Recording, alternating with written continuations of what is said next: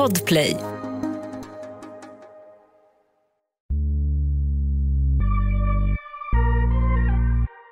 Han var inte läkare men påstod sig ändå kunna bota svåra sjukdomar. Och extra duktig var han på att hjälpa patienter med blodförgiftning och benbrott. Men det som sticker ut mest med Sven Ingemarsson är hans medicin. Han ordinerade nämligen den berömda Flahultasupen, framställd efter hemligt recept. Välkommen till ännu ett avsnitt av Misslyckade brott. I den akutmottagning som Podplay kallar för studio sitter proktologen Mattias Bergman och rättsläkaren Andreas Utterström. Det här med proktolog... Eh, jag vet inte, jag tänker bara på Seinfeld. Eh, jag, jag tycker att det är roligt för att en gång när Albert gick på förskolan när de skulle ha maskerad så klädde vi ut honom till proktolog. Nytt avsnitt av podden kommer varje onsdag. Om du inte lyssnar i Podplay-appen. Där finns säsongens alla avsnitt redan nu, helt gratis. Folk som säger sig ha närmast magiska krafter eller har upptäckt mirakelkurer som botar det mesta. De har funnits i alla tider. Och i början av 1900-talet syns också många av dem i svenska tidningar. En tidstypisk annons slår ett slag för något som James W. Kidd från Indiana i USA påstås ha trollat fram. Om han nu överhuvudtaget existerar. Men rubriken i annonsen tar i alla fall ifrån tårna med formuleringen Sjuka göras friska, svaga göras starka. och sen står det bland annat så här. Ett underbart livselixir upptäckt av en berömd medicinsk vetenskapsman som kurerar alla hittills kända sjukdomar. Medicinen är fri för alla som insänder sina namn och adress. Halta har kastat kryckor och gått omkring. Reumatism, neu, hur säger jag det? Neuralgi eller? Neuralgi tror jag. Reumatism, nev, nu kan jag inte säga det. Neuralgi. Ja, just det. Reumatism, neuralgi, alltså nervsmärtor, magnjur, blod, hud och hjärtsjukdomar, även som blåsåkommor, försvinna alldeles som genom trolldom. Ja, det här är ju fantastiskt Andreas. Det är 120 år sedan ungefär det här skrivs.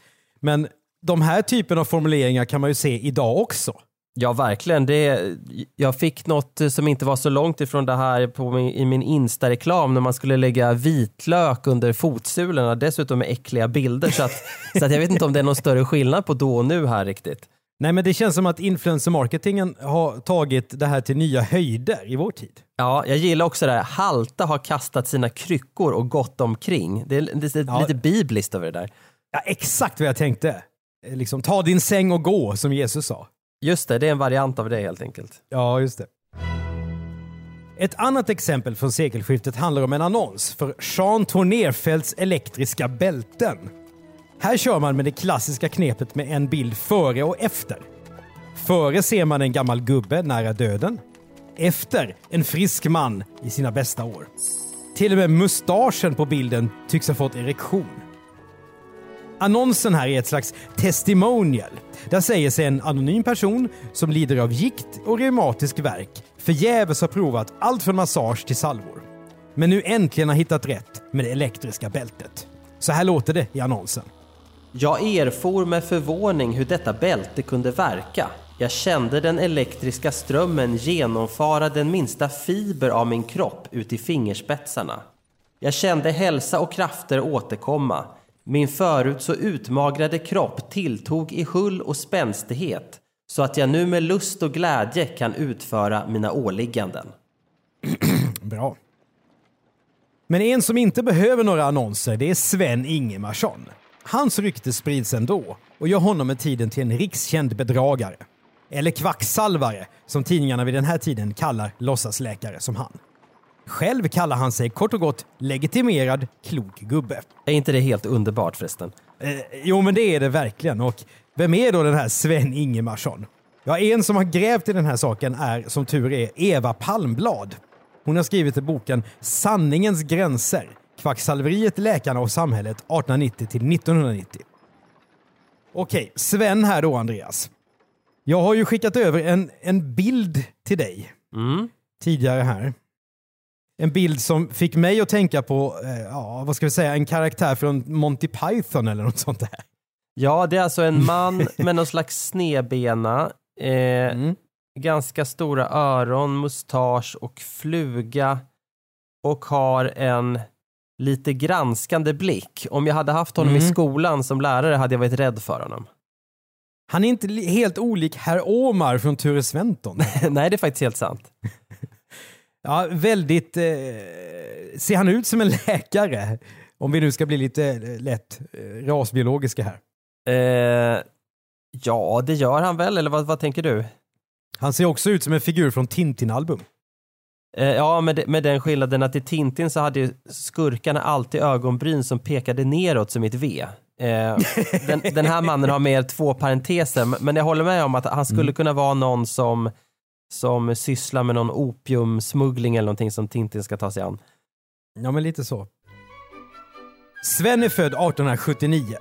Han bor i Småland och gör strålande business under tidigt 1900-tal. Sin gåva att bota sjuka helt utan utbildning tycks vara någonting som Sven har ärvt från sin far Anders. Som i sin tur har lärt sig detta från sin mor. Ja, det är lite som det- Saida och hennes dotter, vad hon nu heter. Du ska söka i ett vatten. Ja, Saida, alltså sierskan, hon sa, hon sa ju alltid så här, du ska, du ska gå till ett stort vatten. Var hennes go-to-kommentar. Ja, just det. Ja, det verkar som att det här är yrken som går i arv. Så är det helt, eh, helt uppenbart, precis som yrken som eh, poliser, polis, journalist och läkare. Mm, och advokat för övrigt. Det stämmer. Sven kommer nu att kallas för Flahultan efter gården Flahulta i Småland där han bor och också har sin mottagning. Och patienterna de står på kö. Under onsdagar och lördagar tar Sven emot. Det här är då inget charmtroll utan Sven beskrivs som sur och tvär och en äldre man då. Men det spelar ingen roll eftersom Flahultan anses vara bättre på att bota patienter än vad de riktiga läkarna är. Men hur är det då Sven gör? Ja, det beror lite grann på vilket problem patienten har. Ibland rekommenderar Flahultan en salva som han själv har blandat till. Andra gånger blir det ett plåster. Men det som får störst genomslag, Svens claim to fame, det är supen. Och det är inte vilken sup som helst utan Flahulta-supen. Ett slags häxbrygd som Sven framställer efter ett hemligt recept. Att den innehåller honung och någon form av alkohol, det står i alla fall klart. Och ryktet går. Många är det som vill testa supen. Det sägs att populära skådespelare som Edvard Persson och Karin Juel är två av patienterna. Enligt Flahultan har han också fått besök från både andra europeiska länder och USA. För att inte tala om det svenska hovet. Och jag vet inte riktigt om vi kan ehm, få någon klarhet i om det här är sant eller inte, men Första gången som man kan läsa i riksmedierna om Sven är antagligen 1917, Andreas. Mm. För då eh, beskriver, då gör eh, Dagens Nyheter en spalt om Sven. Och det är klart att även supen nämns där. Så här står det. Behandlingen är mest utvärtes med spjälkningar, salvor och plåster. Men även en örtsup var sammansättning en familjehemlighet användes med framgång. Allmogen och många andra hysa en obegränsad tillit till den flahultska läkarmetoden. Ja, lite eh, lätt prosaiskt. Ja, Sen så- så står det faktiskt i den här texten att, att eh, det är en häftigt omdiskuterad verksamhet som Sven Ingemarsson bedriver. Att han har blivit anmäld av provinsialläkaren eh, Christian Lundberg till exempel. För att han då bedriver olaglig läkarverksamhet. Men det står ingenting om eh, svenska hovet. Nej, inte där. Inte 1917. Men vi kanske kan återkomma till det lite senare i avsnittet. Mm. Ny säsong av Robinson på TV4 Play. Hetta, storm, hunger. Det har hela tiden varit en kamp. Nu är det blod och tårar. Fan händer just nu. Det. Detta är inte okej. Robinson 2024, nu fucking kör vi! Streama söndag på TV4 Play. Ett poddtips från Podplay. I podden Något Kaiko garanterar östgötarna Brutti och jag, Davva, dig en stor dos skratt. Där följer jag pladask för köttätandet igen. Man är lite som en jävla vampyr. Man har fått lite blodsmak och då måste man ha mer. Udda spaningar, fängslande anekdoter och en och annan arg rant. Jag måste ha mitt kaffe på morgonen för annars är jag ingen trevlig människa. Då är du ingen trevlig människa, punkt. Något Kaiko, hör du på Podplay. Därför är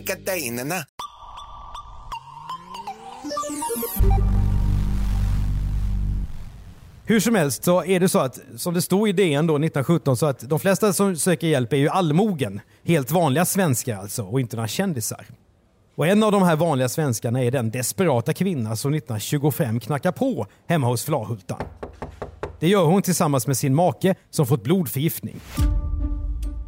Mitt i natten kostar de på sig en taxi till Sven och bråttom är det. Maken är riktigt illa däran. Han är apatisk och har frossa. Flahultan blir först rasande över att någon har väckt honom. Ni kommer med en halvdöd människa. Säger han till frun. Men hon står på sig, bönar och ber om en mirakelsup. Flahultan ryter och grälar men till slut ger han med sig. Tar på sig skjorta och rock och ger patienten en flahultasup. Han är mycket noga med att observera att den sjuke verkligen sväljer sin medicin.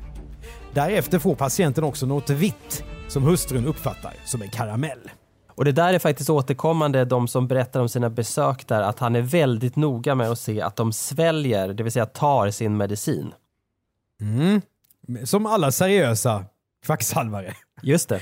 När den desperata frun frågar Flahultan om maken nu kommer att bli frisk så får hon svaret Hjälpa kan endast vår Herre göra. Gör supen verkan så kommer ni hem med honom. Annars är han död inom en halvtimme.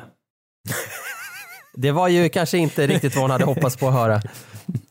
Nej, och det kanske inte är riktigt så som läkare får lära sig att de ska hålla patientsamtal. Nej, inte ens på den här tiden hoppas jag.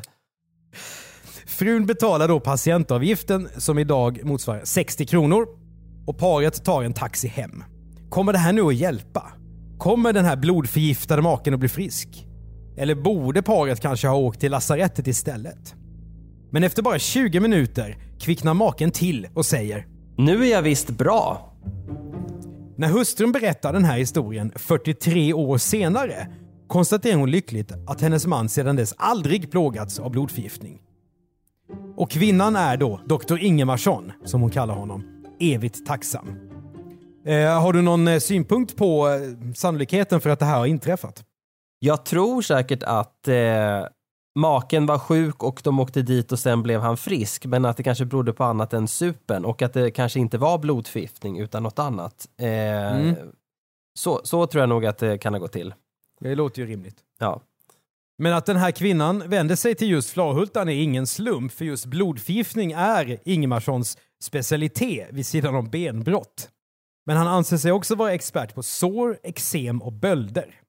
Varför är lite oklart. Kanske är detta det mest kommersiellt gångbara i Småland vid den här tiden. Det är en ganska intressant eh, kombo här tycker jag. Sår, eksem och bölder kan man ju förstå, men så benbrott mitt i allt detta också. Framförallt så skulle jag vilja veta hur man läker benbrott med den där supen. Ja, men då kanske det var salvan. Ja, ja, ja, just det. Den, den, den borde han ha patenterat. Exakt. ja. Och eh, Flahultan är ju väldigt intervjuad och säger så här i en av intervjuerna. Men någon undergörare är jag inte, det vill jag säga ifrån. Vad hände nu sist man började skriva om mig till exempel? Jo, häromdagen kom en man till mig med en pojkstackare som var stum. Han saknade talförmågan alldeles och honom skulle jag bota med min hälsosup eller mina salvor. Det är upprörande helt enkelt. Mm. Och här sticker han ju ut från en hel del andra eh, personer i den här genren som vi har berättat om att han mm. faktiskt inser, eh, eller själv tycker att han har vissa begränsningar. För en del andra, eh, neurokalometern till exempel, som vi berättade om i tidigare avsnitt, han eh, satte ju bara mätaren på dem och sen så, så, så sa han eh, någonting och eh, tyckte att han kunde fixa allt mellan himmel och jord. Flahultan ja. kör ju en liten annan eh, inställning. Ja, det är intressant. Han bygger liksom sin trovärdighet på det här sättet och, och eh, ja, det är en ödmjukhet som eh, imponerar. Han berättar också för journalisten att han har haft patienter från både Tyskland och USA. Han påstår dessutom att flera fabriker har erbjudit honom att tjäna pengar på Flahultasupen i stor skala, men att han har tackat nej. Och han säger så här. Det går inte för sig att göra stor industri av de här sakerna. Salvorna får inte lagras, de måste begagnas färska. Bra argument. Mm. Hur reagerar då de riktiga läkarna när deras patienter struntar i vetenskap och istället väljer Flahultasupen? Jo, de blir förbannade. När Ingemarsson behandlar en patient med tuberkulosa körtlar i halsen går provinsialläkare Lundberg i taket. Det här är ju fullständigt vansinne. Någon måste nu sätta stopp för Flahultan. Så Dr Lundberg gör en anmälan till kronolänsman G.A. Johansson som startar en utredning. Brottet som Flahultan misstänks för? Att yrkesmässigt ha bedrivit kvacksalveri. På ren svenska, att ha tjänat pengar och riskerat andra människors liv genom att ha lekt läkare helt utan utbildning. Det här blir en sak för häradsrätten som är dåtidens tingsrätt. För tidningarna är det här såklart en kanonstory. Men Eva Palmblad konstaterar i sin bok att de väljer helt olika linjer. Jönköpings-Posten beskriver Flahultan i positiva ordalag. Där publiceras historier från nöjda patienter. Journalisterna driver också med de riktiga läkarna som beskrivs som amputationsgalna. Är inte det underbart? Ja, verkligen. Det är ja, väldigt intressant. Jag undrar om är det, undrar det var mycket amputationer i Småland på den tiden? Ja, men det finns ju lik- vissa likheter med idag när vissa inte vill tro på, på vetenskap och hela tiden ska misstänkliggöra eh, folk som kommer därifrån. Men jag studsar också på det här amputationsgalna. Eh, det, det är ett väldigt roligt eh, uttryck, ungefär som att allt läkarna bryr sig om är att de ska, ska få kapa folk och göra dem till ampisar. Det är fantastiskt. I tidningarna Smålands Allehanda och Smålands Folkblad är dock tongångarna tuffare mot Flahultan, för där får Sven Ingemarsson hård kritik. Hur agerar då huvudpersonen själv under rättegången? Jo, Flahultan dyker inte upp alls i egen hög person utan skickar sitt ombud J.A. Lindskog. Som i sin tur berättar att Sven Ingemarsson nu ska söka tillstånd hos kungen för att få bedriva sin verksamhet. Men det spelar ju ingen roll, för skadan är redan skedd. Men advokaten Lindskog är en smart herre för han inser att det gäller att få opinionen på sin sida. Därför ser han till att det i välvilliga Jönköpings-Posten publiceras ett upprop där nöjda patienter tar Flahultan i försvar. Lindskog hävdar också att många människor räddats och att hans klient har ett så gott rykte att han till och med erbjudits att ta med sig suparna och flytta till USA. Patienterna hänger på och skickar intyg till domstolen där de på heder och samvete hävdar att de har blivit friska efter att ha druckit Flahultasupen. Enligt Lindskog rör det sig om så många som 12 800 personer. Om detta stämmer och alla betalat samma summa som kvinnan med den blodförgiftade maken innebär det att Flahultan har dragit in vad som idag motsvarar 768 000 kronor på sina supar. Ja, och då får vi betona om detta stämmer, för att jag misstänker Mhm. att den här PR-sluge eh, advokaten eh, möjligen överdriver när han pratar om att det är 12 800 personer. Däremot kanske det var 280 personer. Det har jag inget svårt att tro. Helt rimligt. Jag tänker på, vi är ju i Småland här alltså. Eh, Finns det så mycket folk på den tiden i de här bygderna? Ja, men eh, om, om det, det kommer folk från USA och Tyskland, om det nu stämmer, eh, så kan man ju också tänka sig att det kommer folk eh, från andra delar av Sverige också. Men just det här 12 800, det, det låter väldigt, väldigt överdrivet i mina öron. Det är intressant det här överhuvudtaget om man läser om Flahultan, för då kommer det tillbaka väldigt mycket det här med de utländska patienterna. Men vad vi vet så har han ju, han ju aldrig annonserat utomlands. Det står det ingenting om. Och eh, vad, vad, vad kan det ligga bakom det här? Är det helt enkelt bara hans, eh, en liten överdrift? Ja, för för jag- får inte heller ihop det riktigt, för att det sprids mun mot mun-metoden är ju en sak inom hans område och kanske även inom Sverige, alltså att han blir så att säga stor i Småland och möjligtvis stor i Sverige, men, men att ryktet då ska gå därifrån, från Sverige till andra delar i Europa, hur, hur, gick, hur ska det gå till på den här tiden? Det var ju inte så att folk postar grejer på Insta, utan eh, det betyder, möjligen om utländska media varit där och skrivit om honom, eh, för det kan ju inte vara så att varenda svensk skrev brev till bekanta utomlands och berättade om Flahultan. Nej, eh, det, jag, ja, jag undrar om det verkligen har hänt det här med de här Nej, utländska. jag är, jag är tveksam. Eh, å andra sidan är han ju inte så här skrytsam och overkill i det han säger som många andra kvacksalvare. Eh, Nej, det är om sant. vi jämför med Beda Wallin och andra vi har berättat om som brer på hela tiden. Han är inte Mm. på det sättet, men, men jag undrar också hur, precis som du, hur det där i så fall ska gå till. Jag tänker också på den här lätt flamboyanta advokaten J.A. Lindskog. Han, han eh, skrädde ju inte orden och skapade den här, eh, det här uppropet för, för Flahultan. Om det hade varit så att Flahultan hade botat någon i hovet, tror du inte att Lindskog hade varit där och försöka få ut någon form av vittnesmål från den kungliga medlemmen om hur skicklig Flahultan är? Gud jo, för Lindskog han verkar vara den tidens eh, Henning Sjöström. Eh, ja, exakt så. I alla fall Smålands Henning Sjöström. Lika mycket PR-konsult som, som advokat och jag misstänker också att det var en man som gillade att stå i centrum. Jag har inte sett någon bild på honom men jag kan föreställa mig ungefär hur han såg ut. Eh, Definitivt. Eh, Också han med mustasch då. Givetvis.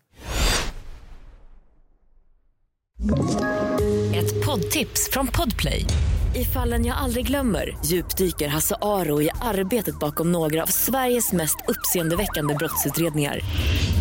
Går vi in med hemlig telefonavlyssning och, och då upplever vi att vi får en total förändring av hans beteende. Vad är det som händer nu? Vem är det som läcker? Och så säger han att jag är kriminell, jag har varit kriminell i hela mitt liv men att mörda ett barn, där går min gräns. Nya säsongen av Fallen jag aldrig glömmer på Podplay.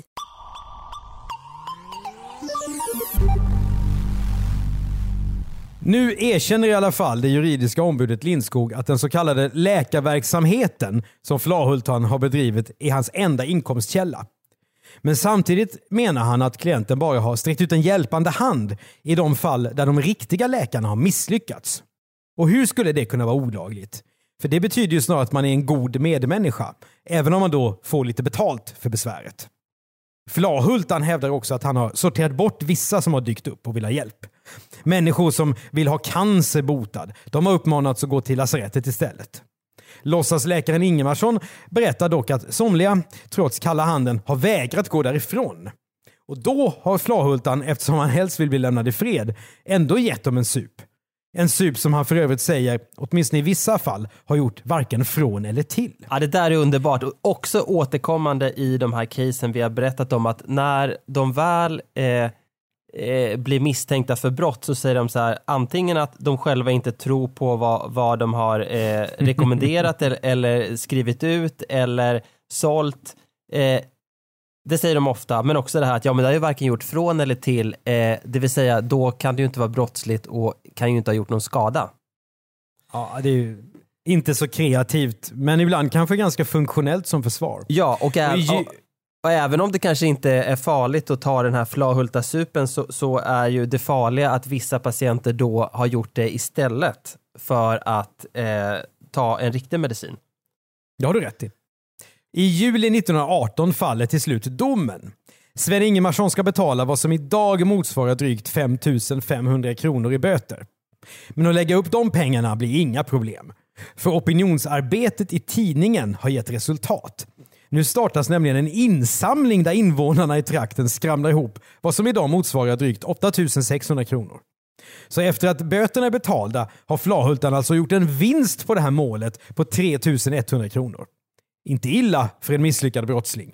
Och dessutom kommer det pengar också från andra delar av länet. Men hur mycket är det oklart. Ja, Det här är alltså någon sån här tidig variant av Facebookgruppen Vi som står upp för Peter Springare. Ja, det måste man ju verkligen säga. Alltså mycket po- modernt. polisen som var frispråkig och som då fick många fans för att de tyckte att äntligen någon som talar klarspråk. Och jag tror att det är Mm. lite samma mekanismer här. En, det är sunt förnuft, någon som vågar stå upp mot de här stöddiga läkarna och nu ska inte eliten komma här och försöka sätta honom eh, eh, på plats. Jag, eh, jag misstänker att det var lite samma typ av känsla som gjorde att den här eh, insamlingen eh, var så lyckosam. Säkert. Och den här uppmärksamheten i samband med målet gör att Flahultan får ännu fler patienter. För all PR är tydligen bra PR. Och enligt vad som är känt fortsätter Sven Ingemarsson, trots domen, att leka läkare. I sin bok Vidskepelsen i brottets tjänst skriver juristen Arvid Wachtmeister att den lokala ordningsmakten låter Flahultan hållas. Ja, en polis säger till och med till en journalist att den här verksamheten anses göra mer gott än ont. Och då, Andreas, har jag gått till läggen igen, som Jan Myrdal skulle ha sagt. Ah, har du hittat den artikeln? Ja, om vi kutar fram eh, 20 år ungefär. 1938, 26 juni, det vill säga midsommar 1938.